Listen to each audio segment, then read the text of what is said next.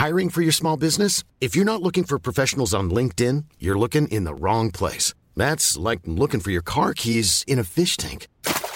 LinkedIn helps you hire professionals you can't find anywhere else, even those who aren't actively searching for a new job but might be open to the perfect role. In a given month, over 70% of LinkedIn users don't even visit other leading job sites. So start looking in the right place. With LinkedIn, you can hire professionals like a professional. Post your free job on linkedin.com slash people today.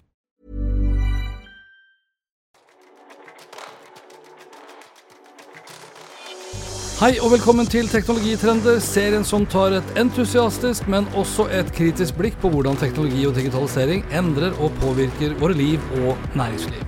Episoden presenteres av Episenter, Oslos hub for digital innovasjon og et økosystem for innovative selskaper i vekst.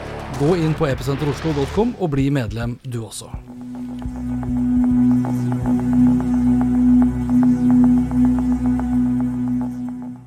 Kapittel 1 En uventet slutt. Det var en mørk og stormfull natt på Tempelseter. Hans Petter satt alene i den knirkende hytta. Hans ansikt var blekt og skyggelagt av det svake lyset fra skjermen. Han hadde nettopp avdekket en skandaløs sammensvergelse som truet med å ryste alt fra TikTok, sosiale medier-miljø, teknologi og mediebransjen og hans egen verden. Hans Petter visste at han måtte handle raskt. Det som først hadde begynt som en uskyldig jakt på sannheten bak TikToks popularitet, hadde snart avslørt en labyrint av cyberangrep, 5G-hysteri og et skremmende misbruk av kunstig intelligens. Hans Petter skjønte at han var i fare, men han visste ikke helt hvor trusselen kom fra. Var det Ståle Lindblad, den tilsynelatende harmløse sosiale medier-kommentatoren i Medie24 som var besatt av TikTok og brukte sin plattform til å fremme sin egen agenda? Eller var det den norske justisministeren, Emilie Enger Mehl, som hadde jugd om sin egen TikTok-avhengighet til Stortinget i flere måneder, og som var kanskje villig til å gå til drastiske skritt for å beskytte sin hemmelighet? Kanskje var det til og med en leiemorder på vegne av den kinesiske diktatoren Xi Jinping som hadde fått nok av Hans Petters vedvarende kritikk av Kina, ByteDance og TikTok.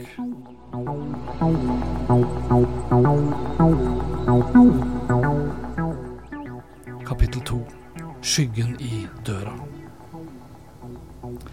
Vinden ulte gjennom sprekker i hyttas vegger, og Hans Petter kunne føle den iskalde angsten krype oppover ryggraden. Men han var fast bestemt på å avsløre sannheten, koste hva det koste ville. Og med skjelvende hender trykte han på rekk-knappen på sin iPhone og begynte å spille inn den skjebnesvangre YouTube-videoen. Hans stemme var full av patos, og han kunne ikke unngå å overdrive de grufulle detaljene i sin avsløring. Hans ord falt som tunge dråper i et badekar fylt med frykt, og han visste at hans budskap var dømt til å skape bølger i den mørke verden av sosiale medier. Men idet Hans Petter skulle avslutte videoen og sende den ut i verden, hørte han et illevarslende knirk fra døren. Skyggen av en ukjent skikkelse trakk seg langsomt over gulvet, og Hans Petter visste at hans skjebne var beseglet.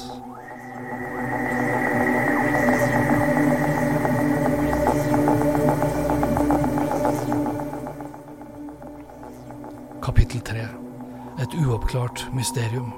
Da YouTube-videoen ble funnet ufullstendig og Hans Petters livløse kropp ble oppdaget på hytta oppe på Tempelseter, begynte spekulasjonen å rase. Hvem hadde tatt livet av Hans Petter, og hvorfor? Hva var så farlig ved sannheten han hadde avdekket, at noen var villig til å drepe ham for å holde den skjult?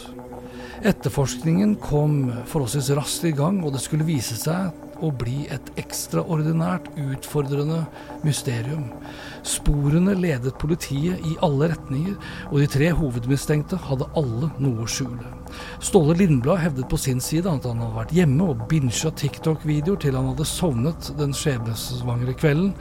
Og til tross for at politiet kunne se at han hadde sett på flere tusen TikTok-videoer av alt fra Andrew Tate og lettkledde kvinner, altså var det noe med alibiet hans som ikke helt stemte.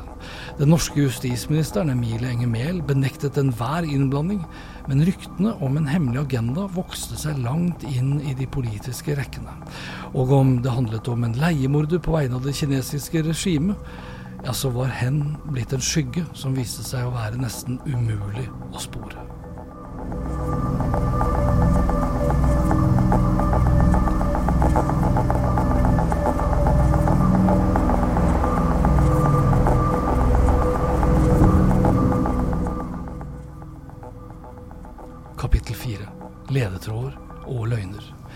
Hjemmekontoret i kjelleren hjemme hos Hans Petter fant politiet en kryptisk beskjed som han hadde skrevet på et ark.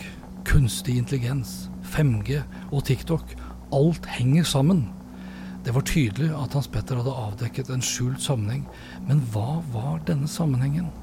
Kort tid etter hadde PST funnet bevis på at Ståle Lindblad hadde truet Hans Petter pga. hans TikTok-kritikk.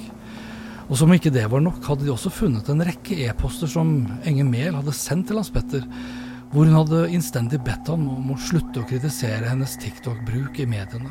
På en av de mange harddiskene i kjelleren til Hans Petter hadde NSM også funnet spor av at noen med tilknytning til det kinesiske regimet hadde forsøkt å hacke Hans Petters e-postkonto.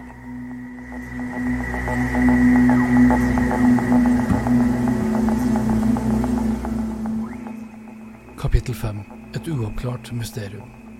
Til tross for alle ledetråder og mistenkelige omstendigheter klarte politiet ikke å avsløre hvem som hadde drept Hans Petter på Tempelseter den skjebnesvangre natten.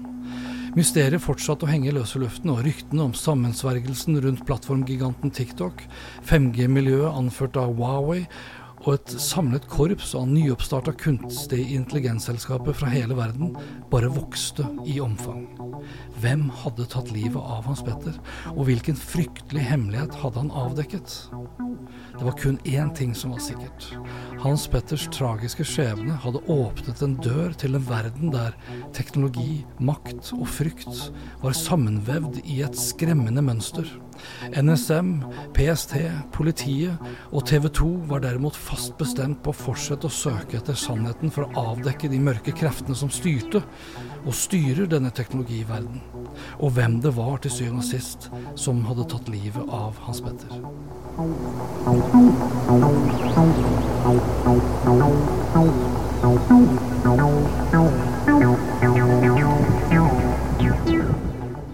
Følg med i neste episode av TikTok-drapet på Tempelseter.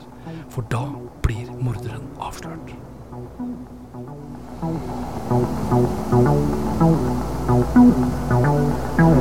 Thank you.